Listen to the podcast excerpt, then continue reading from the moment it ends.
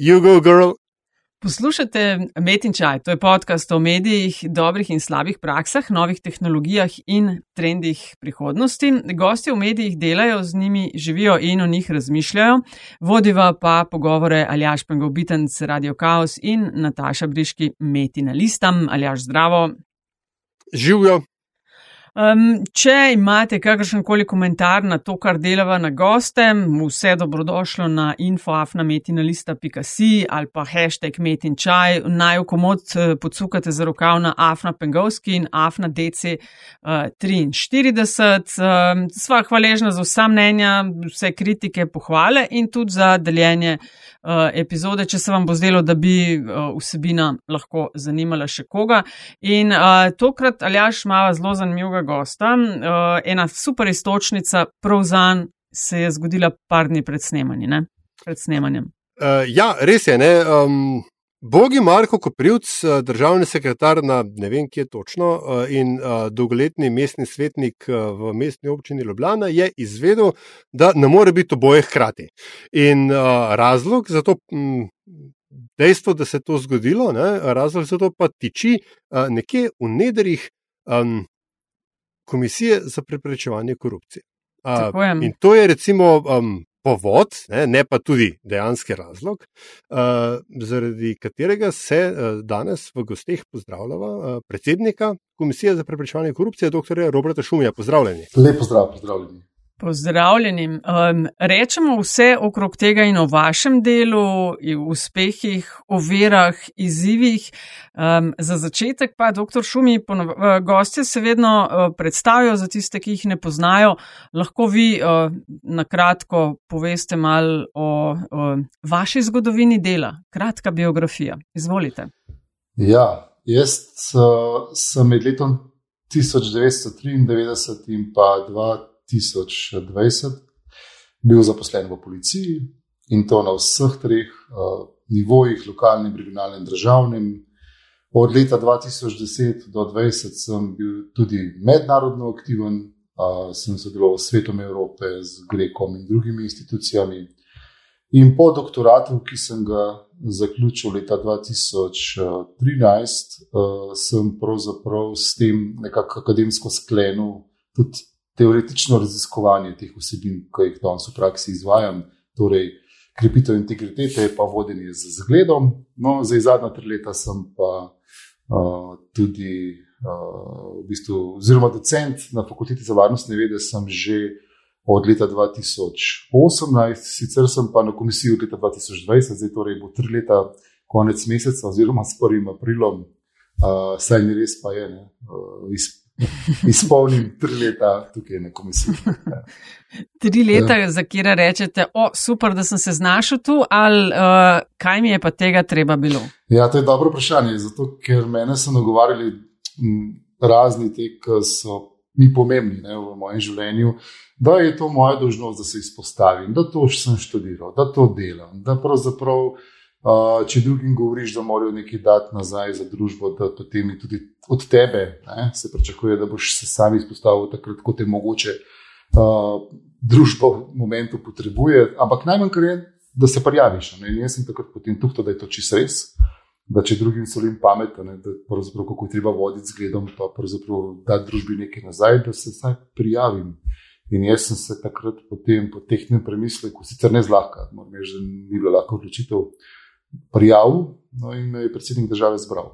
Tako da sem počaščen, seveda, in to je časna funkcija, je pravzaprav poklicna, ampak je tako. Če v to verjameš, je super, jaz v to verjamem, te vsebine. Če pa ne verjameš, je pa malo teže delati to. No. Gospod Čumi, KPK kot inštitucija in uh, nek pozitiven odnos do integritete sta, ali pa tako, vsaj zdi se, ne, ker tudi o percepciji bomo verjetno danes kaj rekli, uh, se zdi ta, kaj pa rečem, 13. prase slovenske družbe. Ne. Uh, uh, nekaj, kar pač je treba imeti, kar se je tako rekoč zgodilo, ampak se nihče s tem zares ne želi ukvarjati, dokler ni uh, nujno potrebno. Uh, po vaši oceni, kakšno vlogo danes igra KPK in ali imate vi, vaši sodelavci, senat KPK-ja, na voljo orodja za to, da lahko sploh, ali pa pravilno orodja, da lahko izvajate naloge, ki so vam, vsaj načeloma, zaupane? Ja, jaz mislim, da je um, dovolj pooblastil, um, torej, da ima komisija zadostna pooblastila. Uh, če se dobro spomnimo, je bilo v obdobju med 2012 in 2014 veliko pričakovanj um, od komisije, kako bo pravzaprav uh, tudi za zapahe spravljala ljudi. Ne? In to je, to je bilo predcenjeno. V bistvu ta pričakovanja nikoli niso bila realna, in potem je seveda sledilo razočaranje. Torej, uh, Prevelika pričakovanja na samem začetku, ko je zakon o integriteti in preprečevanju korupcije začel veljati, in ko se ni jasna ločnica postavila med komisijo in policijo, uh, so pripeljala potem v tisto drugo fazo, torej razočaranje. S tem, da uh, lahko mirno rečem, da jaz prihajam iz represivnega organa in KPK nikoli ni bila in nikoli ne bo policija in ne sme niti biti. Ne, in mi smo zdaj, uh, po 20 letih, torej uh, komisija je bila pravzaprav leta 2001, je bil ustanovljen takratni urad za preprečevanje korupcije, 2004, potem pa prva komisija, ki je na podlagi starega zakona delovala do leta 2010. No, in zdajšnja komisija deluje torej že 20 let, drugo leto obeležujemo torej 20-letnico, deluje pravzaprav na podlagi zakona iz leta 2010. No, in temu, temu zakonu se je takratna družba, pravzaprav politika, če temu tako rečem, odločila postaviti standarde. In kar je ključno, te standarde, so, so, ki, ki so bili zapisani v zakon, so pa potem s težavo ali pa sploh ne pa uresničevali v praksi. In tukaj imamo mi v družbi problem, to je odraz naše družbe. Jaz zelo rad pogledam in to sem se tudi pač imel možnost uh, seznaniti v tujini, kako je to na severu, zahodu, kako je to na vzhodu, pa na jugu ne, in kje je Slovenija pozicionirana. In lahko rečem, da v Skandinaviji takih institucij seveda nimajo, ampak tam se ne pogovarjajo o tem, ali je integriteta pomembna ali ni pomembna, ne, ker pač je predpogoj za zaupanje. Tam enostavno, pravzaprav jim je čudno, ne, ko se mi z njimi menimo in rečemo, da moramo ozaveščati o tem, da je integriteta pomembna in pravi, zakaj morate to ozaveščati. To se je že od otroka naprej učiš. Ne, in gledajte, tukaj smo očitno v 30 letih pozabili, ne, da je treba ob razvoju države, govorim o kapitalističnem razvoju, narediti tudi nekaj na osebnem, družbenem razvoju. In mi, kot mešanica nekih kultur, um, iz zgodovine gledano, ne, germanske, romanske, balkanske, kot da bi se leta 1991 odločili, da bomo pa navadi obdržali pa balkanske.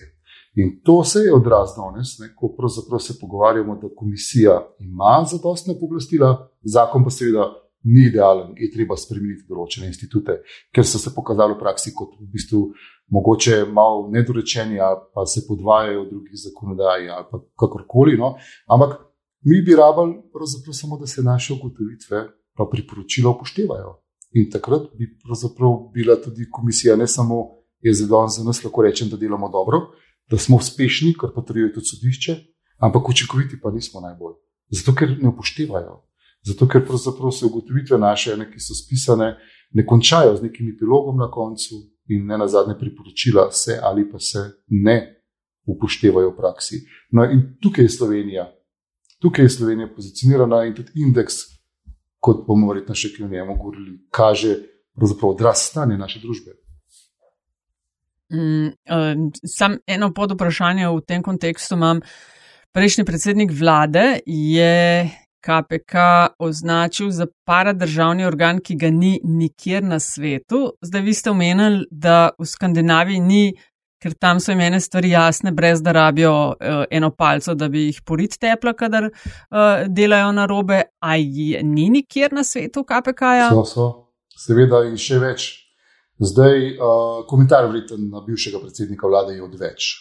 Um, najbrž, če ne bi bil v tolikih postopkih pred komisijo, bi o komisiji najbrž razmišljal drugače. Kar se pa tiče um, naše institucije, pogledajte, na desetine jih je in tudi v Evropi so za komisijo, našo komisijo nastajale v Italiji, v Franciji in na Zahodu, zdaj te institucije ne, pravzaprav kažejo ravno tisto, kar se v Sloveniji pogovarjamo, da je pravzaprav policija eno, tožilstvo drugo, sodišče tretjo. Takšna institucija kot komisija je pa pravzaprav uh, institucija, ki skrbi za standarde, preprečuje nastanke tveganj, preprečuje odklonskost, skrbi za neko moralno higieno, če temu tako rečemo, da ne lažeš, da si izgledan, da pravzaprav nisi v nasprotju interesov, no, v nezdružljivih funkcijah, da omejitve poslovanja pač uh, spoštuješ, da prijavljaš premoženje, torej da si človek vreden zaupanja. In ko taka institucija, naprimer v Franciji, se odloči, da si ti kršil zakon, tam ni debate. V Avstriji ni debate. Avstrija ima sicer malo, malo mešano med neodvisno, pa med v bistvu odvisno pod vlado uh, delujočo institucijo. In koncepti no, so, so si pravzaprav um, samo malo različni, ali je pristojna uh, država oziroma vlada za tako institucijo, ali to neodvisen organ, kot je pri nas. Italija, Francija imata popolnoma neodvisen organ. In ko kritiki govorijo, da smo mi unikom neke balkanske zgodbe, to govorijo z razlogom, da bi diskreditirali. Ne? In oni točno vejo, ali pa pač ne vejo da to ni nekaj novega, pa nekaj, pravzaprav se Slovenija zmislila sama, ker je konvencija Združenih narodov, pravzaprav iz leta, iz 20 let nazaj, je takšno prakso predvidela, da mora imeti vsaka država neko neodvisno telo, ki skrbi za to, ne, da se preprečujejo. Tveganja. Lahko je to utopija v tej družbi, ampak pravzaprav kažejo skandinavci, ki tega nimajo, da tudi brez tega gre, ampak je kultura drugačna tukaj smo, no? tukaj vmes smo. In pravzaprav mi se moramo primerjati ne skandinavci, ker so za nas kulturno očitno vsaj tri generacije naprej, ampak vsaj z Avstrijci, pa z Nemci, no? ki pravzaprav pa niso tako naprej. Ampak od, odgovornost pa imamo bolj razvito, kot pa mi. Pa pa ja, ja, pa kdo, je vašem, kdo je po vašem odgovoren ali pa da ne rečem kriv za to, kakšne so predstave o KPK, kaj KPK je, kaj zares lahko naredi, ker ste ravno prej omenili, smo dobri, a ne učinkoviti. Kako si lahko dober, če si ne učinkovit? Ja, se smo dobri, pa uspešni, ampak ne učinkoviti. Zato, ker lejte, tukaj, zdaj po treh letih lahko to govorim, na začetku seveda nisem mogel. Jaz sem najprej rabo videti, kako to teče, zakaj se gre, prišel sem iz enega drugega sistema, z mednarodnimi izkušnjami in pravzaprav prišel sem tudi v nezavidljivo situacijo takrat je KPK bil tako, ne najbolj, ne, se veste sami. Uh, ne najbolj ne dobri luči, ne na dobrem ugledu. Ne, in v bistvu predtem, pa seveda v maksimalnem um, razvoju, pa v bistvu v ugledu. Uh, zakaj? Glede, nobeni vladajoči uh, strukturi še ni do zdaj uh, pasal, če temu tako rečem, da bi imela neko nadzorno institucijo nad sabo. In KPK, ne, ki nima ustavne podlage, se pravi, varuh človekovih pravic, računsko sodišče, to so ustavne kategorije. Naša institucija na podlagi dokumenta Združenega naroda, pa OECD-ja, ko v bistvu se je država odločila, da bo na tem segmentu naredila korak naprej, je bila mogoče narejena zato, ker se je morala taka institucija vzpostaviti. Torej, že takrat ne, so jo hoteli pred 20 ukiniti. Bil je poskus, da se jo ukine še pod predsednikom Kosom, pa jim ni uspel, niso mogli tega narediti. So pa, so pa pravzaprav diskreditirali vse tri funkcionarje, s tem, da so se znižale plače, kot so še danes. In to so, rečemo, uspeli takrat narediti. No, po tistem obdobju 2013-2014, ko je bilo veliko pričakovanje, pa potem sledilo svoje tisto razočaranje, ne, se je pa začela debata o brezobosti. Ne, če, se dobro, če se spomnite. Ne. Ja, ja brezobi tiger, ki tako ali tako ne more ničesar. Tako. No, zdaj, zelo zanimivo je kontrastališče, ki sem ga ravno zvedel pred kratkim, pa ga bomo razgrli tudi 30.3. na tem našem dogodku, o tem, kam naprej. Ne, uh, da brez obos pravzaprav pristoji komisiji. To je zelo zanimiva teza, uh, ki nismo jo sami izrekli, ker smo se pravzaprav pri tem hoteli kar malo boriti, da to ni res, da to ni res. Da pravzaprav smo učinkoviti, če nas upoštevajo. Ne. In je pa zanimiv ta pogled, da pravzaprav brez obos bi odpadla in bo odpadla, ko se bo cel krok uh, proti korupciji sklenil v Sloveniji. Kaj hočem s tem povedati? Mi smo za preprečevanje, da ne pride do nečesa, oziroma ko imamo postopke, da so ti učinkoviti. Potem nastopi faza policije, preiskovanja, potem pregona tožilstva in sojenja sodišča. In ko se ta skrok sklene, ko vse institucije naredimo svoje, in ljudje vidijo, da se s tem deluje, da če ste te dobijo v koruptivni zgodbi, da boš odgovarjal, no takrat bo tudi ta brezobost postala ali del pač življenja, pa da je tako prav, ali pa bo odpadla. Ne? In če si pa ti edina institucija, od katerega pričakuje, ki od tebe pričakuje, da boš rešil našo družbo pred korupcijo, je pa to utopija. Zaradi tega, ker mi nimamo pristojnosti, takšne kot pa policija, tožilstvo. Mi ne moremo doseči celotne populacije, ne? kaj to pomeni. Naprimer, mi imamo Mi smo se leta 2020 uh, intenzivno povezali z Zavodom Republike Slovenije za šolstvo. Smo v bistvu skupaj pripravili dolgoročni projekt Integriteta skupni cilj generacij, ki ga zdaj izvajamo že tretje leto zapored, naravnani na 15 do 20 let, da se bo izvajal. Delamo z otroci, začne se v vrtcih, osnovnih šolah, srednjih šolah, kjer se ozavešča o poštenosti, zakaj treba biti odgovoren družbe. In to je dolgoročen proces. Ne? Ampak mi bomo pokrili šolski sistem skupaj z, seveda, prosveto. Ne bomo pa dosegli določenih skupin v družbi, ki so že izven šole, ki niso zaposlene v javnem sektorju, ki ne poslušajo podcastov, ki v bistvu ne gledajo medijev.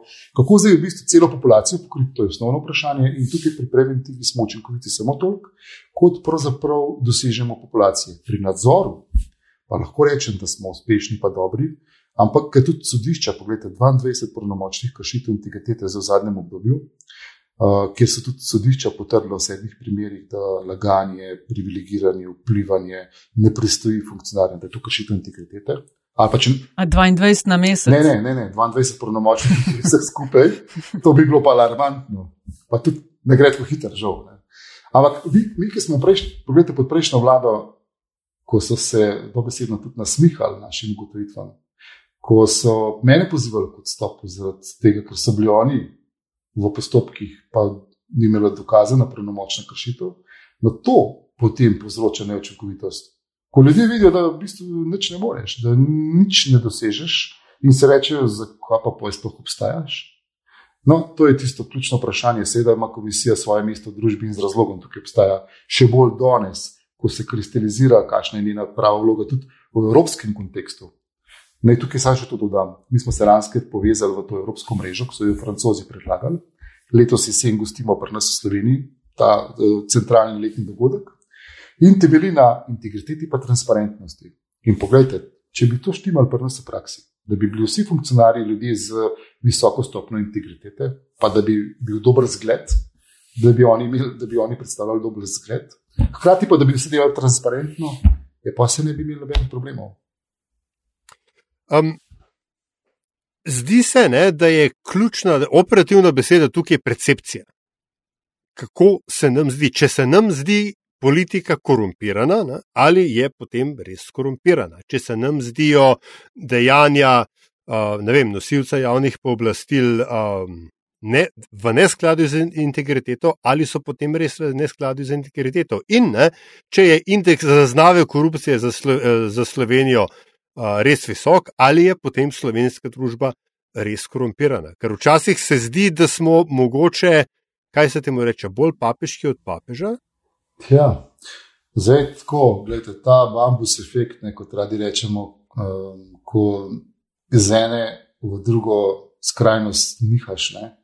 Težko rečem, da zdaj v naši družbi smo na področju preprečevanja korupcije že tukaj, ne, da bi bili bolj papeški od papeža, ker se mi zdi, da 30 let je konstantno bila ignoranca nekih obveznosti do države. Ne na zadnje tudi pogledajte naš nacionalni junak Martin Krpan, kaj je on počel. Ne? On je utajeval davke.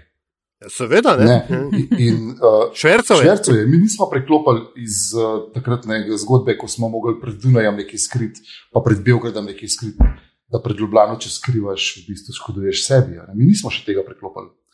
In zdaj, um, tukaj not, prvo, ko mi nekaj naredimo, mora pač to teči by the book, se pravi na zakonski podlagi. Uh, zato tudi postopki model časa trajajo, ne? ker ljudje, ki so v naših postopkih, seveda morajo imeti vse procesne pravice do tega, da sodišče na koncu presodi. Zato ni tako, da bi rekel, tako je to narobe, ne smeš tega reči, ne? ker pač brez, se veste sami, brez dokaza ne gre. Ne? No, na drugi strani pa percepcija. Ja, to je krasna zgodba. Poglejte, zdaj, zdaj ta indeks je zelo lepo pokazal, kako v Sloveniji se da ta indeks zlorabiti, zato da institucijo diskreditiraš, naprimer nas. Uh, ko rečeš, edini so krivi za to, da je tako, kot je. Ne. Po drugi strani pa točno vejo, kako se ta zadeva odvija. Če pogledamo javno naročilo, vsa leta v zdravstvu ali pa kjerkoli drugje v gradbeništvu. Uh, ko mi upozarjamo, pogledajte, ko mi upozarjamo, ko pravzaprav je komisija napisala že več kot 40 priporočil, več kot 40 uh, sistemskih priporočil, da bi se v zdravstvu sanirali, pa se ni. No, potem pridemo do tega, da verjetno ta percepcija, glede na vse skupaj, da tudi ni občutka, da bi ljudje odgovarjali ne, za take zadeve, koruptivne, pride do tega, da reče, da okay, sistem ne funkcionira. Ampak bolj kot to bi jaz nekaj drugega izpostavil. Poglejte, zdaj ta indeks, ne, če greš to vprašati v Skandinavijo, bojo rekli, da ja, to je samo percepcija. Pa potem rečeš, pa dobro, se ste vi med najboljšimi petimi. Ne. Ja, vse smo res, vse smo res. Ampak to je še vsem samo percepcija, tudi mi imamo korupcijo, tudi mi pravzaprav imamo težave, ker korupcija je posodna posod po svetu, od nekdaj že. Ok, ki pa je pa razlika. Aha, tukaj, da vi, ko vidite nekoga dobite, takrat brezpogojno nosi ta človek odgovornost. Ja, to pa drži. Zgubi zaupanje, ni ga več na položaju, ne vzame institucije za talca, ne, da pravzaprav no, ni več storil, enostavno odide. Aha, ok. Torej, percepcija, torej, uh, vam še vse nekako daje odraz dejanskega stanja. Ok, in potem se deloma strinjajo. In tukaj pri nas je isto.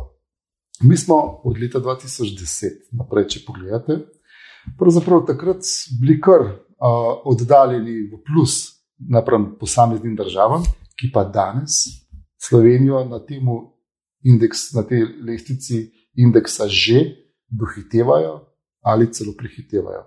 Mi smo zviška gledali na sosednje države, ker smo bili kao v naših glavah bolj razviti. Pa danes pogledajte, oni, če bomo mi stagnirali na tem področju, nas bojo ne samo dohiteli, prehiteli.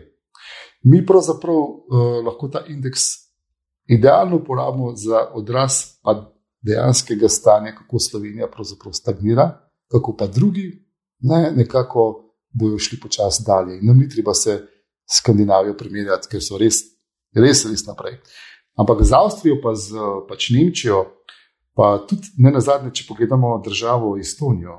Gledajte, Estonija je približno tako kot Nemčija uvrščena. Pa Estonija je bila tudi pod bivšo Sovjetsko zvezo, pa bili so uh, pač v nekem komunističnem sistemu, tako kot je bila Slovenija. Ampak kako, kako je jim uspelo? Zakaj so oni prekinili z neko tradicijo?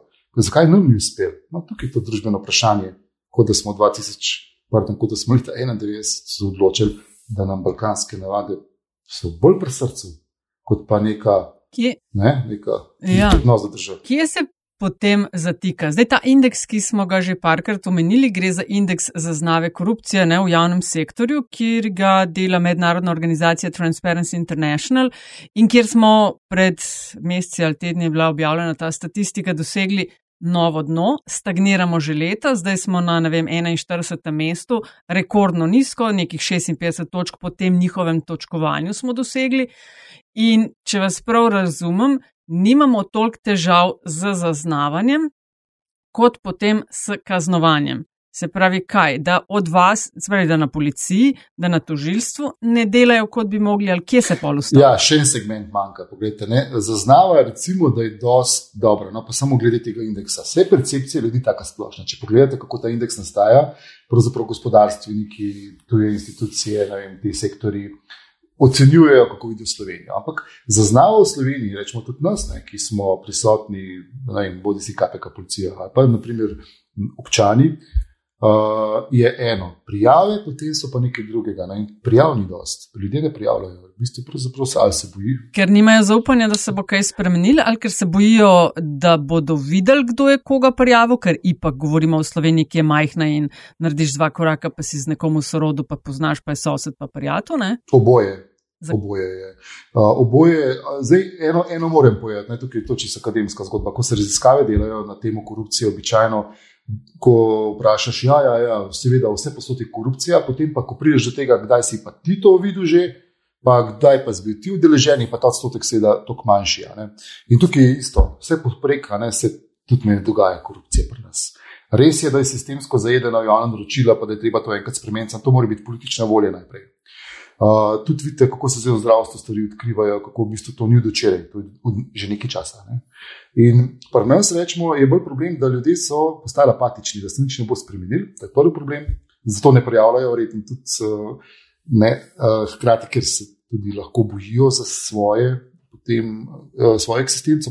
Te primeri žvižgačev, ko smo bili v Sloveniji, ne, so pokazali, da ko karkoli na koncu zmaga, moralno, ne vem, pa na sodišču, utrpi neko škodo, tako da službe vržejo, ali pa pravzaprav psihične težave ima, ali pa pravzaprav se morajo skozi dokazovati, da je dobro mislil. Ne. In to so problemi. In to so problemi, ki jih zdaj naslavlja tudi nov zakon o zaščiti prijaviteljev, ki pa bo mogoče, čeprav je še tako dober, v praksi zaživeti. No, in jaz si želim, da bi tukaj dokazali ljudem, da sistem funkcionira. Sam spet ni samo KPK tista. Uh, in ki se zatakne? Ja, lejte, mi, mi imamo dolgotrajne postopke, ampak KPK ima najhitrejše postopke. Mi smo sposobni procesirati od prijave do, do zaključka uh, v devetih mesecih, nekje, potem pa čez to na sodišču, uh, recimo svojih. Uh, če bi bili. Devet mesecev, kaj pa traja devet mesecev? Ja, no, poglejte, ko dobijo prijavo, ko se v bistvu vse skupaj preveri, ko se dobijo uh, podatki, državni organi. Ja, veste, mi, mi pošljemo, oni nam odgovorijo, potem mi to preučimo. Potem pa, ko določiš obravnavano osebo, takrat se vede pa preiskava, takrat se pa začnejo postopki, kjer imajo do pravice do pogleda, do izjasnitve, do zaslišanja. So, zato so na sodiščih zdaj po deset let postopki trajajoči, ne? ker so procesne zadeve take, ker zakon je pravice tako močno uredil, pa prav, da jih je. Da jih je. Ampak so postopki zaradi tega dolgi. In mi smo res, kako koli, zdaj v bistvu se sliši, devet mesecev dolgo, najhitrejši. Policijske preiskave potekajo tudi par let. In to zdajo vse skupaj neko slabo luč, ne, da v bistvu ne, ne funkcionira. A je morda problem, ne, pa eden od problemov, tudi ta, da je Slovenija na uslugah temelječa družba. Da je rečemo, to, kar se vam zdi koruptivno, ali pa kar je zakonska definicija korupcije, vide za korupcijo, da je nekomu drugemu zgolj normalna interakcija um, z znancem, prijateljem, poslovnim partnerjem. No, tukaj ste v bistvu vprašali za mene osebno uh, ključno vprašanje o tem, kaj korupcija sploh je. Kaj, v bistvu, kako ljudje sploh razumejo v neki družbi korupcijo. Iz uh, časov, iz deset let nazaj, potem ko smo se pogovarjali v EU kontekstu, vam lahko rečem, da razlika med severom, jugom, zahodom in vzhodom v tem, kaj je korupcija, je velika. Ne, morate vedeti, da še ni dolgo nazaj, ko tudi, uh, so na vzhodu razumeli, da če dobiš denar, kot uh, neko zahvalo, zato ker si kot javni uslužbenec nekaj storil, da to ni nič narobe. Ne? Če to vprašate na severu, absolutno, kakšen denar, ne? to ne smeš nič vzeti, to je korupcija. Pri nas smo tako, da imamo, na, imamo napisano, da tega ne smeš vzeti. Ne? Potem pa pri darilih delamo izjeme. In seveda denar je absolutno prepovedan, ampak lahko dobiš tudi poslovno kosilo, lahko dobiš tudi, ne vem, flašo vina, ne vem, pršut, pa take stvari, ki ga moraš seveda prijaviti. In zdaj pa smo pri kulturi naši. Dajmo pogledati, kako smo od leta, ne vem, da, da ne bom naredil komu krivice, ampak recimo po prvi svetovni vojni naprej živeli. In potem se sklicujemo, da smo majhni, da drug drugega poznamo in da pravzaprav, kot je nekdo nekaj storil, čeprav v času službe, se mu zahvališ z neko protislugo. In potem, ko mu preneseš neko darilo, ne, je to za tebe nekako, pa ne bo to zdravnik ali drug učitelj ne, na koncu šolskega leta, po, ja, postane to kar samoumevno. In potem, ko ti tega človeka poznaš ne, in postaneš njegov sodelavec, in seveda on se poteguje za neko službo, ti odločaš o njemu in imaš občutek, da bi se lahko izločil iz tega odločanja. Tudi, pogledajte, tako delače, da se od svojih partnerjev ne izločajo, ko odločajo o njih. Pa ne bo to župan, ne bo to pravzaprav direktor, ravnatelj. In je samoumevno, da lahko svojemu družinskemu članu on uredi s svojim glasovanjem, da tu ni noben konflikt interesov, tukaj smo v Sloveniji. Seveda, zdaj mi govorimo danes o anomalijah. Imamo ogromno ljudi, ki pošteno živijo, pa jim je zdravo, kmečko pametjo, jasno, da je to narobe. Ampak o njih ne govorimo, govorimo o teh, ki so problemi. In potem je občutek, da so sami problemi. In je vsak, problem, vsak primer pa preveč. Poglejte, te volitve so pokazale lokalne. lanskoletne, torej, da so bili novembra nekje. Ne? Ja. No, da so bili določeni župani, ki so bili pri nas pravnomočno spoznani za odgovorne, ko so kršili integriteto, spet izbrani za župane, ker jih pač ljudje v tistem lokalnem okolju očitno imajo radi. In za nas je to, rečemo, z vidika profesionalnega pogleda nepojmljivo. To imamo župana v slovenskem prostoru, ki je rekel, da je ponosen, ker je kršil integriteto in da bi jo še enkrat. So ga še enkrat zvolili. In Lete, ne ga imajo, sej to je njihova legalna. Ja, sej nekje je pa naredil, ne? Ja, sej je njihova legalna, legitimna pravica in volja, biti, ne, v bistvu njihova volja, koga volijo, je samo njihova. Ta... Se vsi to delajo. Ampak, ampak tukaj, tukaj se v bistvu um, mogoče odprl še. Uh, odprli, da ne bom zdaj pol vikov. Ja, kako želite, zdaj se. Ja, ja ne, ne, na, na, na pranger, ne, da je ali na Twitterjih. Skratka, zdi se mi, ne, pa boste uh, povedali, ali se motim ali ne, da, je, da, vsak, da gremo vsakič znova, z vsako generacijo izvoljenih politikov in političark, uh, veliko krat skozi eno in isto zgodbo, da smo vedno v srednji šoli, ne, da nikoli ne, ne maturiramo in diplomiramo po, po tem vprašanju videza korupcije.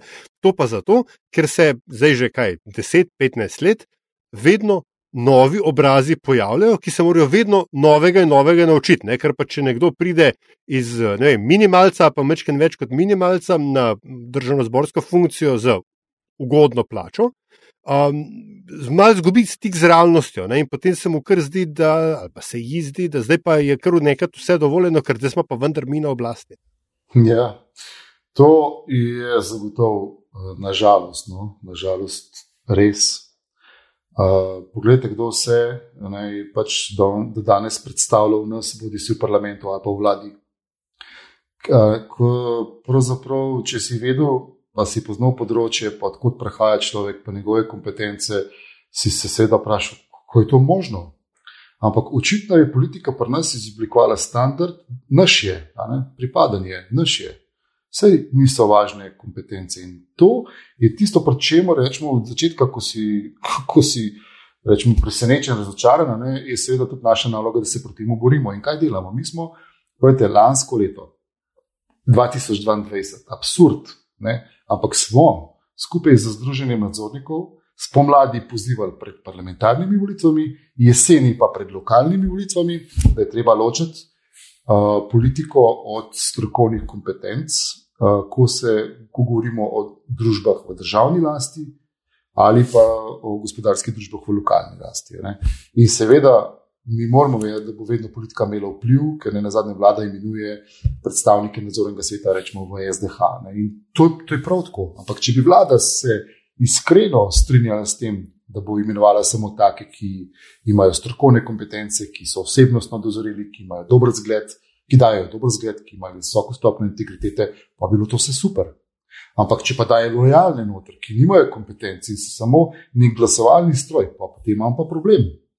In ljudje, pravzaprav smo razdeljeni, zdaj očitno v družbi postali na to, da rečemo, pa glej, pa kaj pa poj, vse je bilo zmeri tako, pa vedno tako bo, pa pravzaprav na drugi strani pa razočaranje, to je samo prnstko, pa druge. Pa, ne, tukaj prideš, ko, ko imaš preproste debate s prijatelji ali pa v družinskem okolju, ali pa s tistim, ki te poznajo že 30 let. Ne, pravzaprav dožiš tisto pravo sliko nekega razočaranja, kam se je Slovenija razvila do leta 2023. Iz tiste Švice, ki so nam govorili, da bomo enkrat postali. Kaj smo mi v bistvu prišli s temi našimi navadami? In zato je od nas, od nas je zahtev pričakuje od naše komisije, da mi te standarde ustrajno zagovarjamo. A še tako bed, da si spademo, mi jih moramo. In verjamemo v njih, ne, gledajte, integriteta je pa en ključnih, ker je, ker je rezultiral v zaupanju. Transparentnost, pardon, transparentnost pa naslednja, ker če delaš transparentno kot funkcionar ali pa javna osebnost, je pa nič ne skrivaš. V ta transparentnost je fajn. A kaj pa, če bi vi objavili KPK, to se dobro prime v medijih, ker to je tudi podcast o medijih, lestvice, največji kršitelji ali kaj takšnega. Prav lestvica, pa fajn grafično, lepo obdelano. Dobra ideja. Mi smo, ja, mi smo zdaj objavili kršitve integritete, kar najdete gor v bistvu. uh, katere so pravnomočne, za kakšno vrsto in to imamo. In ta najmanjša varianta ne, uh, bi bila, ali pa mogoče enkrat bo dobra. No, ker sem pomislila na to, kar ste zdaj omenjali. Da vi ste opozarjali pred volitvami, in tako dalje. A je možno, a mislite, da je možno, da ste mogoče mal prenežni pri teh opozarjanjih, da zato mogoče vas en del družbe ali pa nekateri vidijo kot, ne vem, brezobe tigre. Da bi na drugo, mislim, ne vem, da bi mogoče bolj mogli sodelovati z mediji ali kaj zvem, ker si predstavljam, da pri teh opozarjanjih, ko se pošljajo dopisi na ta in ta naslov, se odpre in tisto sekundo vrže v koš. Hm. No, evo, zrelost. Ne? Zdaj, če, če imaš ti institucijo, ki veš, da uh, njegovo priporočilo je mož izpolniti v praksi, potem jo ja. ne vršeš v koš.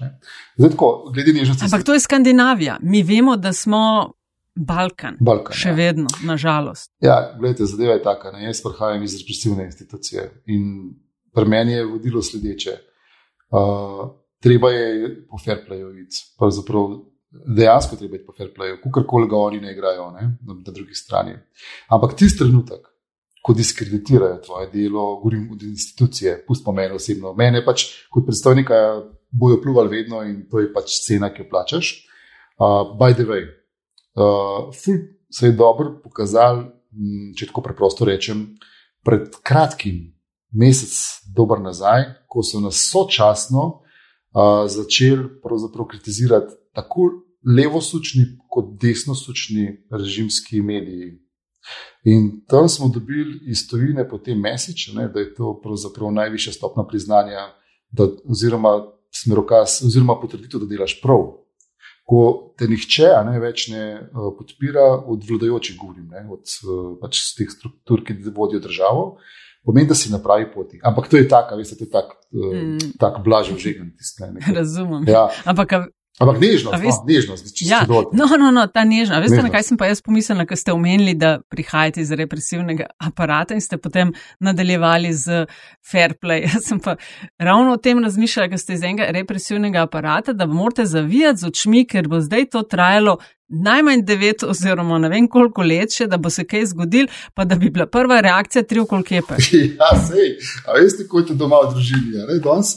Poglejmo mi danes družino, ne, družinsko celico, ko ti pove otrok, da ima pravice ne, in da te bo pravzaprav tožil, uh, prijavil, to reče otrok staršev. A si predstavljate tukaj, zdaj, ne, da jaz to pred kamero pa rečem, da bi se prijavil, ta pa ta je storil korupcijo, ima da gre z položaja, kako se bojo usul na mene, vsi takoj, ki imam dokaze za to. In če nimam dokazov, sem kršil zakon, ustavo celo, ne imam njegove pravice in da se spokam z položaja, po domače. In to je tisti problem, ne, da moraš kot institucija, moraš profesionalno ravnati. Potem pa, ko pride do priložnosti, ko je pravnomočnost narejena na koncu, mi vedno objavimo, mi vedno objavimo. Se nam je pa nažalost zgodilo lansko leto, da mediji niso bili več senzibilni do določenih kršitev, naprimer, nasprotje interesov, dokazano nasprotje interesov, ko je nek zelo visok funkcionar glasoval uh, za svojo povezano osebo, da je dobila posel v gospodarski družbi v državni lasti, uh, mu s tem omogoča materialno, pa ne materialno korist. Je samo še korak do korupcije. Mi to nismo, kaj mi, ker ne dokažemo tukaj, to, kaj je dobo nazaj, ne? v bistvu, kaj mu je ta dal potem nazaj. Nič, nič, veste, kakšni so odgovori. Ja, nasprotje interesov, kot je že rekel predsednik Klemenčič, včasih dobimo slovenci z materinim mlekom. Uh, pomeni, da pravzaprav drug drugemu rihtamo usluge in to je popolnoma nekaj sprejemljivega. To ni res. Ne? To ni res, da je to nekaj sprejemljivega, to je škod, škodljivo. In če to prijatelji med sabo si pomagamo, je na more pa potem politik, ali pa človek, ki je odgovoren, da vodi državo, pa enemu bom dal, ki mi ni dober, drugemu pa ne bom. Ne. Tam so standardi, zato pa so. In mi smo glasniki teh standardov. Ne. Hoče je, da je zelo nehvaležna vloga, ko te, nihče, ko te ne slišijo. Takrat, takrat je nehvaležno. Ne. No, in smo spet ne, pri uh, na uslugah temelječi družbi in pa seveda medijih, ne, ker je, če je to že uh, podcast o medijih. Um, mediji na splošno v Sloveniji niso v, v dobri koži. Uh, a je po vaši oceni, ne, če ste že omenili, omenili, senzi, omenili senzibilnost, um, je manj razumevanja, manj občutljivosti za korupcijo ali pa pomankanje integritete uh, v, v javnem sektorju, je več tega, da oh, se je bilo že hujšne ali pa kva bi še lahko bilo. No, da je biti pozitivni. No. Um, recimo, da bo, oh, da, bo, ja. da, bo letoš, no, da bo letošnje leto odraz uh, zrelosti. Namreč, Na mizi je prenova resolucije, na mizi je pravzaprav tudi, kaj je treba vse spremeniti, glede našega zakona, ki je šibok, ki je treba pač določiti spremembe. Ne na zadnje, eno takih je tudi, da se morajo upoštevati eh, priporočila pogoditve komisije, saj z nekim odzivnim poročilom, ne? da se morajo za kršitve integritete določiti tudi sankcije, ne samo, da je to neka moralna obligacija, pa prepuščena tebi, da boš pa odstopil ali pa ne boš. Ne? No, in potem, uh, direkt, imamo EU, Evropsko unijo, na podlagi teh škandalov, ki so bili, se zdaj pripravlja direktiva na tem področju, kjer bo zopet država imela neko obligacijo, da nekaj izpolni. Mi delamo zdaj javna, javne dogodke, kjer se bomo vprašali, ne, kaj je komisija, gremo v francosko smer, se pravi v tisto zrelo smer, kjer se krepi dobro transparentnost, integriteta, odgovornost, ali bomo ostali tukaj, kjer smo, ali bomo šli proti Mačarski, če temu tako rečem ali bomo šli proti Balkanu in bomo raj se samo borili proti korupciji, čeprav vemo, da nismo uspešni. No, torej, letos rečemo, da bo nekako uh, na koncu leta bomo lahko rekli, smo ali pa nismo dozoreli za, neko, za nek zrelejši pristop. Medtem, ko bi pa izpostavil pa še sledeče. Uh, pred letom 2010 integriteta ni bila ne, tako nekako družbeno prepoznan pojem. Jaz vam lahko rečem, da tiste, ki ste se ukvarjali z zaveščanjem, um, ni bilo tako redko, da so, rekli, da, da so nam rekli, da smo njihovi priče. Ja. No. In pardon, če samo da zaključim. Ja, ja. Po letu 20, ne, ko je zakon določil integriteto kot standard, vi veste, da so pred letom 20 mene pripričvali iz prosvete, da se integritete ne da krepiti. Ljudje sploh niso razumeli poante poštenosti preko integritete, kaj to sploh je. Je pa res mogoče malo ponesrečen, ker je prevedena iz tujega jezika v naš SSKJ. Ampak, kakorkoli, po 20, ko je določil zakon za standard, pogledajte, se je pa uh, začel tako na začetku, ja, ja se je fajn, pa se je pa začela zelo uporabljati za PR-ovske zgodbe pred volitvami. Vsi so kar naenkrat govorili, da bodo integriteto krepili, potem so jo pa krepali, če se tako izrazim. No, do pravnomočnih, zdaj, če samo še ta obdobje povem, do pravnomočnih ugotovitev, ki pa danes že govorijo, da tukaj pa je korak naprej. Naprimer, sodišče je potrdilo, da je laganje kršitev integritete. 20 so se v javnosti vrtele debate, da je laž v Sloveniji postala vrednota. Je penti pa, to smo rabili sodišče, da je reklo, da ne, mi smo bili prvi. Ja, mi smo bili prvi, potem je pa sodišče potrdilo. Zakaj pa je dobro, da je sodišče potrdilo? Ker je še lansko leto so mi določeni ministri razlagali, kaj pa so to ene ugotovitve KPK-ja. No, ko pa sodišče potrdi, pa ni več, kaj pa je to samo ena ugotovitev sodišča. Ne? In zdaj, ko bo prišel nekdo na oblast, pa bo rekel, jaz pa želim, da te zadeve postanejo standard, torej da se ne laže da se ne privilegira, da se ne vpliva, da se plačujejo uh, obveznosti do države, naprimer davki. A ne vem, če ste seznanjeni, ampak je v letošnjem letu izdana sodba, kjer je sodišče samo razširilo v bistvu naš, naš, naše ugotovitve, oziroma naš izrek v posameznem primeru kršitve integritete, in je reklo tudi, tudi to, da je človek, ta naša obravnavana oseba, da, ni, da ni plačal davkov je kršitev integritete, torej neizpolnjevanje obveznosti do, države. Torej, postavljajo se standardi, ki jih včasih nismo imeli in ko bo čez čas jih možno v praksi uporabiti. In to je ta proces, eno, dve generacije, ko v bistvu si že postaran, precej, ne, korakov je pa zelo malo, ampak so pa mehni, taki ne gre čez noč. Žal smo v Sloveniji No, se vaš optimizem je skoraj nalezljiv, to, to je vendarle treba priznati. In, in, in seveda, če tako, če, če tako pogledamo, a, je, je za kaj živeti. Ampak vendarle hotel sem vprašati, a, glede medijev, ali so mediji pri teh vaših prizadevanjih vaš zaveznik, ali so vendarle del problema, ne? ker če zdaj naslikam mečken bolj. Um, obupano sliko. Imamo časnik, ki je povezan, če ne direktno v lasti, z gradbenim konglomeratom, ki živi tudi od javnih naročil. Imamo en medijski konglomerat, ki je volilnica kadrov za oblast. Imamo drug medijski konglomerat, ki je v lasti politične stranke ali pa delni lasti politične stranke in z nje povezanih oseb. Imamo vem, javni servis, ki ga vodijo osebe, ki so bile tja imenovane nezakonito. Skratka, um, tudi medijska krajina, ki ne, naj, se, naj se ponovim, a so mediji vaš zavestnik ali so prepreka pri teh vaših prizadevanjih. Ja, jaz lahko rečem, da sem vesel, da obstajajo tudi taki mediji, ki ga imate zdaj vi, ne, v bistvu, da ste uh, neodvisni, pa pravzaprav da je podcast neka nova oblika, ki se prijemlje. Ja, to morate reči, to je jasno. No? Ja, ja čeprav iskreno povedano, jaz, jaz nisem, nisem uh, bil do pred kratkim dosti seznanjen, ne, da je v bistvu to že nekaj, kar mladi že poslušajo in tudi v bistvu intelektualci in tako naprej. Ne. To rada slišim. Ja, in to je super. Mladi. To je super. Ja, gledaj, jaz sem svojih črk vprašal, pa ste v bistvu rekli: Ja, ja poslušamo, no super, pa moji sodelavci tudi tukaj. Uh, zdaj pa, kar se pa tiče uh, medijev kot takih, mi delamo veliko z njimi, če le želijo, pridajo tudi k nam na razne te, mi tako imenovane zajtrke, ne, z novinarji, ker jim povemo, v bistvu, kaj sploh komisija dela, kakšne so naše pristojnosti, kam naprej. In potem lahko rečem, ne, da če, iz, če odmislimo, kot sem že enkrat omenil, pa bom še enkrat te levo, pa desno sučne, režimske ne, ki pravzaprav so za enkrat, enkrat en dan smo za njih heroji, en dan smo za njih v bistvu najhujši, ne, ko pravzaprav odvisno, kdo je obravnavan oseba pri nas. Uh, pa se osredotočam samo na tiste velike medije, lahko rečem, da se je že veliko korektnosti pokazalo, da tudi hočejo, da, da ko govoriš z novinarji tako ena na ena, ali pa pravzaprav um, uh, tudi v tem uživo, da so senzibilni. Ampak zgodilo se je, da nas tudi več vsi ne vabijo tako v bistvu pa doživiš tisto, tisto kako naj temu rečem. Um, realnost, ne, ko ugotoviš, da včasih si bil stalen gost, nekaj pa potem nisi več, zamenjala se je pa samo oblast, oziroma lastniška struktura, in se vprašaš, zakaj pa ne. No, in ta, verjeten, to vprašanje neodvisnosti medijev ni, ni za mene, jaz pa to seveda svoje mnenje o tem.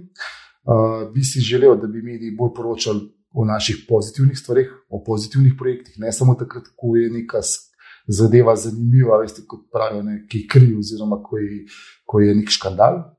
Uh, o tem veliko se pogovarjamo. Jaz želim, da bi nas večkrat navajali tudi v pozitivnih stvarih. Tukaj smo pa ne samo mi, moramo reči tudi v EU kontekstu. Zadnjič, ko smo bili v Avstriji na pač bilateralnem obisku, imajo enake probleme. Tako da nismo samo mi v tej družbi pri tem. No. A jaz prav vidim, da vas ni na družbenih omrežjih, na Facebook gledam. Ja, prav. No, pol pa je to lahko ena, eno od orodij, eh, ne bom rekla za obvod, ampak če vas tradicionalni mediji ne slišijo, čakati na njih je malo zguba časa mogoče. No, ta poziv bom jaz zdaj kar prenesel naprej na našo PR službo. Mislim, me, me čudi, da ja, služba je gotovo vesela tega poziva. Zelo, ne, ker sem se veliko pogovarjal, katero družbeno mreže je tisto, katero bi mi lahko s pridom v plus koristili, ne pa da se po nas zliva gnojence, če temu tako rečem, pa se potem samo upravičujemo. Pa, lede, ja, pa čakate, da bo prišli, pa mi imamo pojasnilo, to je tako 200 stoletje. Ja, jaz osebno, ne, sem šel s Facebooka dol zaradi tega, prvič iz varnostnih razlogov, drugič pa zaradi tega, ker se mi ni dal več odzivati na to. Jaz pač pravzaprav moj zasebno življenje, ja, tega je zelo malo, ne, pa tista neresnost na drugi strani, ko sploh. Veste, tisti prijatelji, ki jih v življenju še nikoli srečajo, pa so nekaj tam mm. prijatelji.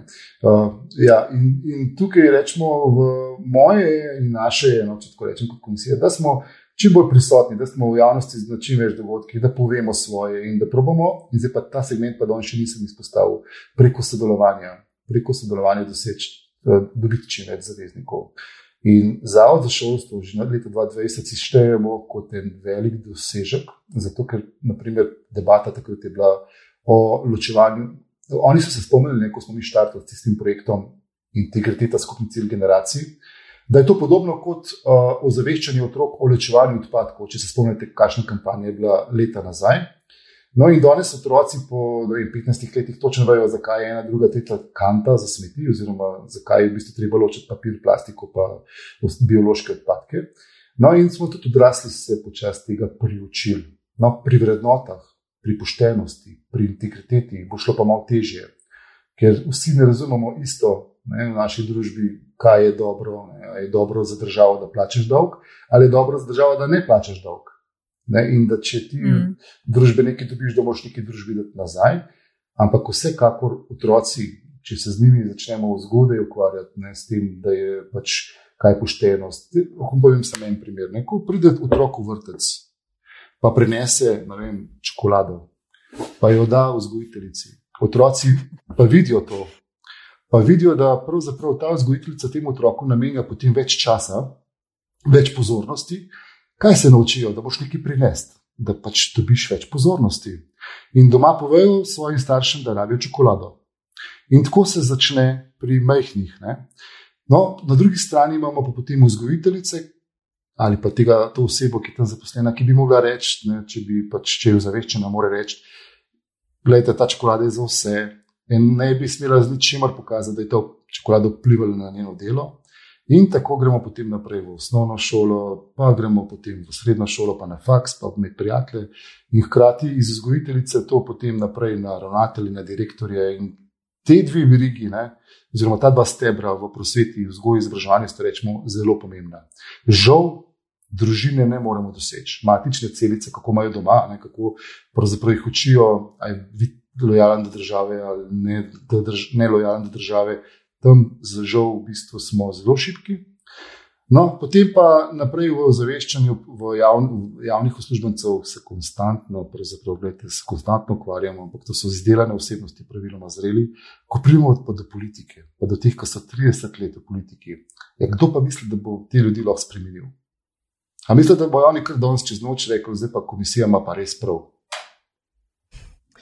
Um, dragi otroci, če učiteljica ali učitelja ne marate, mu prinesite čokolado z rozinami, sicer pa bo uh, lešnikova ali pa z rižem čisto redo. Uh, doktor Šumi, prej ste omenili, ko ste uh, govorili, da nimate Facebooka, da že tako imate mal časa uh, za zasebnost in tako dalje, ampak veste, tega časa bo še manj, ko boste enkrat minister. Kjero ministrstvo bi vas zanimalo? Še tri leta imate sicer mandat na čelu KPK. Uh, Ali je to čisto izklopljen?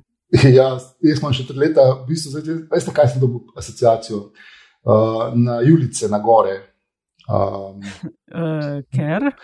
Biti minister v tem prostoru je najboljši. Na 2000 je pravzaprav pogosto mir, tišina, vse je tako nedožno, čisto pristno, ljudje pošteni, prijazni. Um, ne vem, če sem vam odgovoril to, kar ste želeli slišati. Ja. Ne, nisem ja, želela, ja, samo zanima me, če so ambicije. Ne, lete, nimam nobenih ambicij v politiki. Jaz tudi v bistvu sem prišel iz policije, lahko grem tudi nazaj. Bom pa čist videl, prepustil se do takrat. Um, ne na zadnje je to tako. Poglejte, um, Mačeho s koronarjem s komisijo je pač uh, tudi odraz potem, ali da imaš volo, da se, da se boriš naprej, ne? ali pa pravzaprav na neki točki tudi sam presodaš.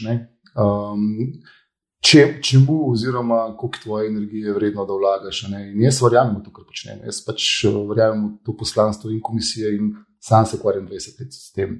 Verjamem, da če to delaš, da se bo dobro prejaslej uh, začelo na dolgi rok, seveda z otroci. Ne, uvajati noter in da bo slovenska družba, pa če ne po 30, pa po 50 letih samostojnosti, vsaj malo napredovala. Da bi pa bilo konc korupcije, to je pa utopija, tega ne bo nikoli.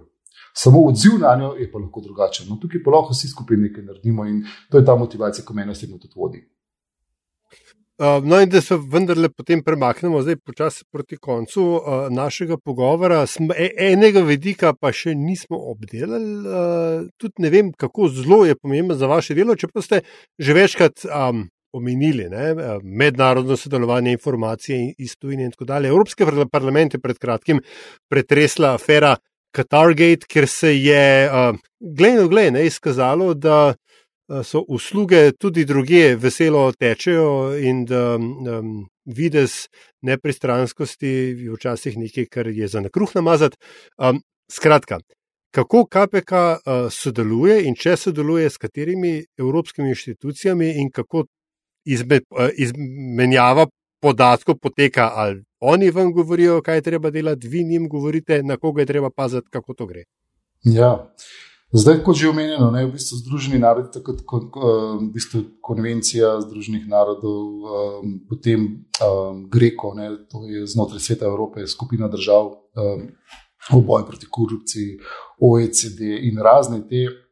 Um, te networki, katerega smo mi tudi lani spet se, uh, se odločili, da se mu, pred, sto, pr, da mu pridružimo uh, na francosko pobudo, ta uh, ENPE, to je v bistvu Peer Network for Public Ethics, ne se pravi za etiko javnega delovanja.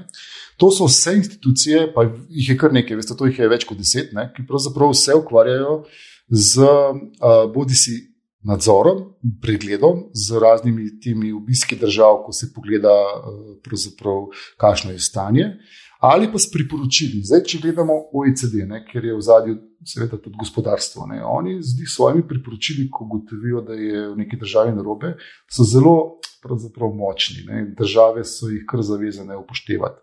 Ravno tako kot to priporočila. Ampak živa omen, ravno včeraj smo dali odzivno poročilo, da država ni bila najbolj aktivna pri implementaciji. Ne. V bistvu priporočil, zakaj ne, je razlogov verjetno več.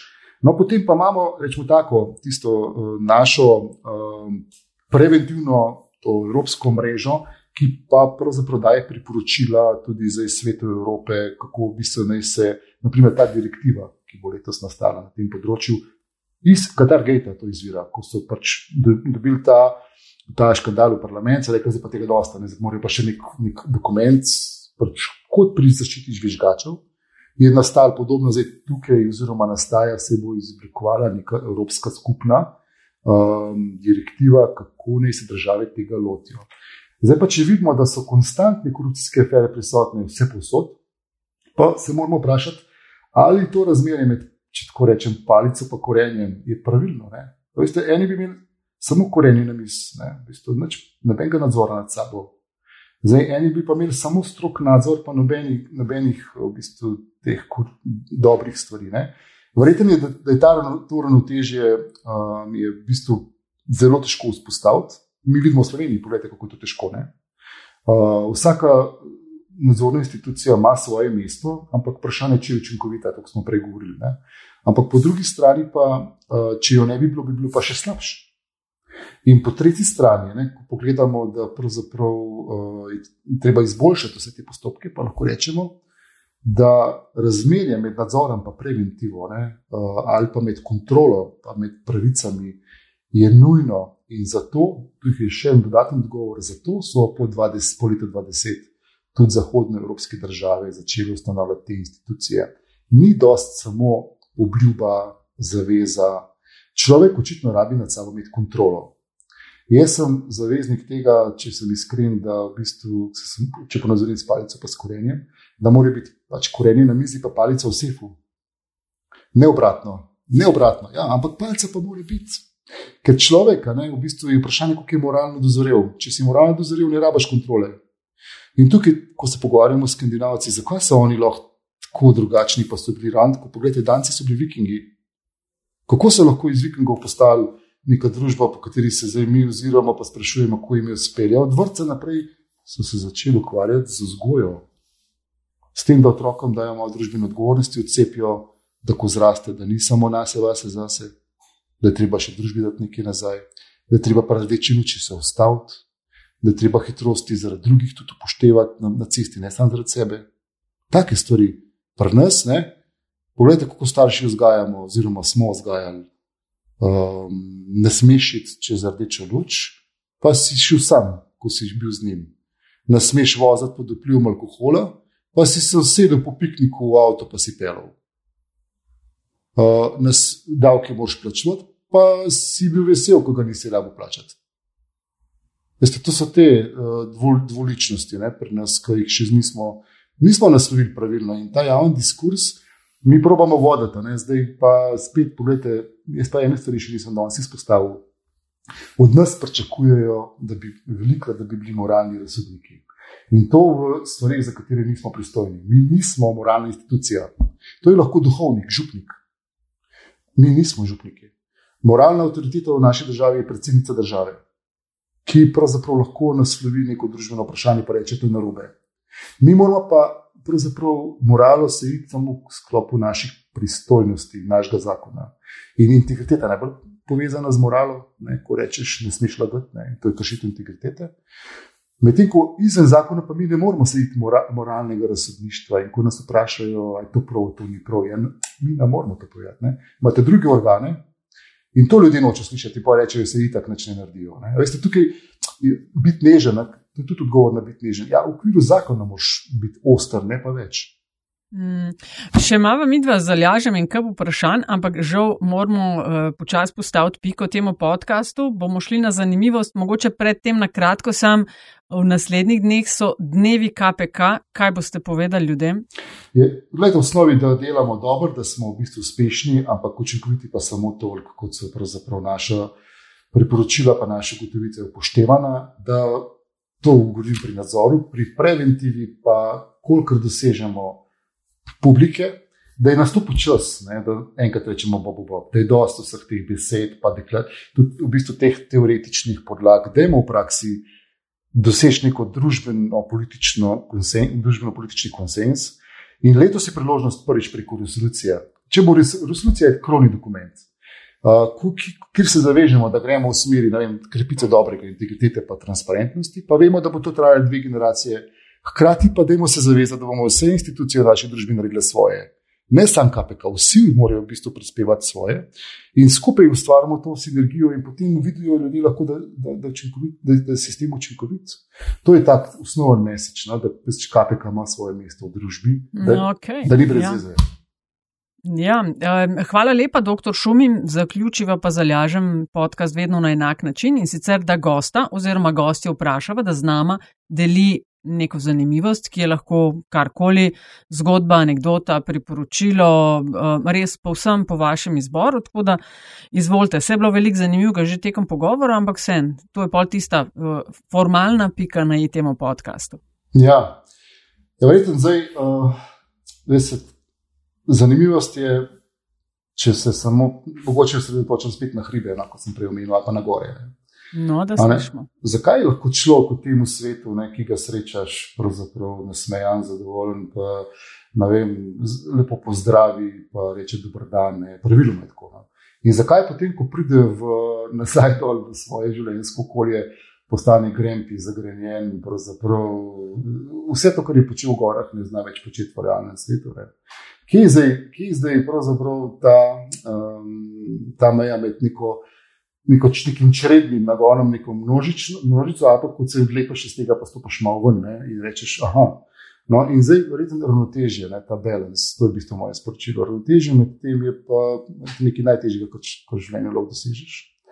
In vsak od nas ima to nalogo, ker tudi integriteta je ideal. Ne moreš biti nikoli 100% čist, lahko se pa zavežeš, ne, da boš sledil temu, pa vsak dan, ko se začer pogledaš v gledal, sem se preko, da si pač naredil dobro. Sem eh, bila skoraj prepričana, da ste rekli, da je finta v takratkem. ja, pa ni. Ne, ne, ni. Je pa res, da si ga okay. tudi pogosto lahko zaslužimo.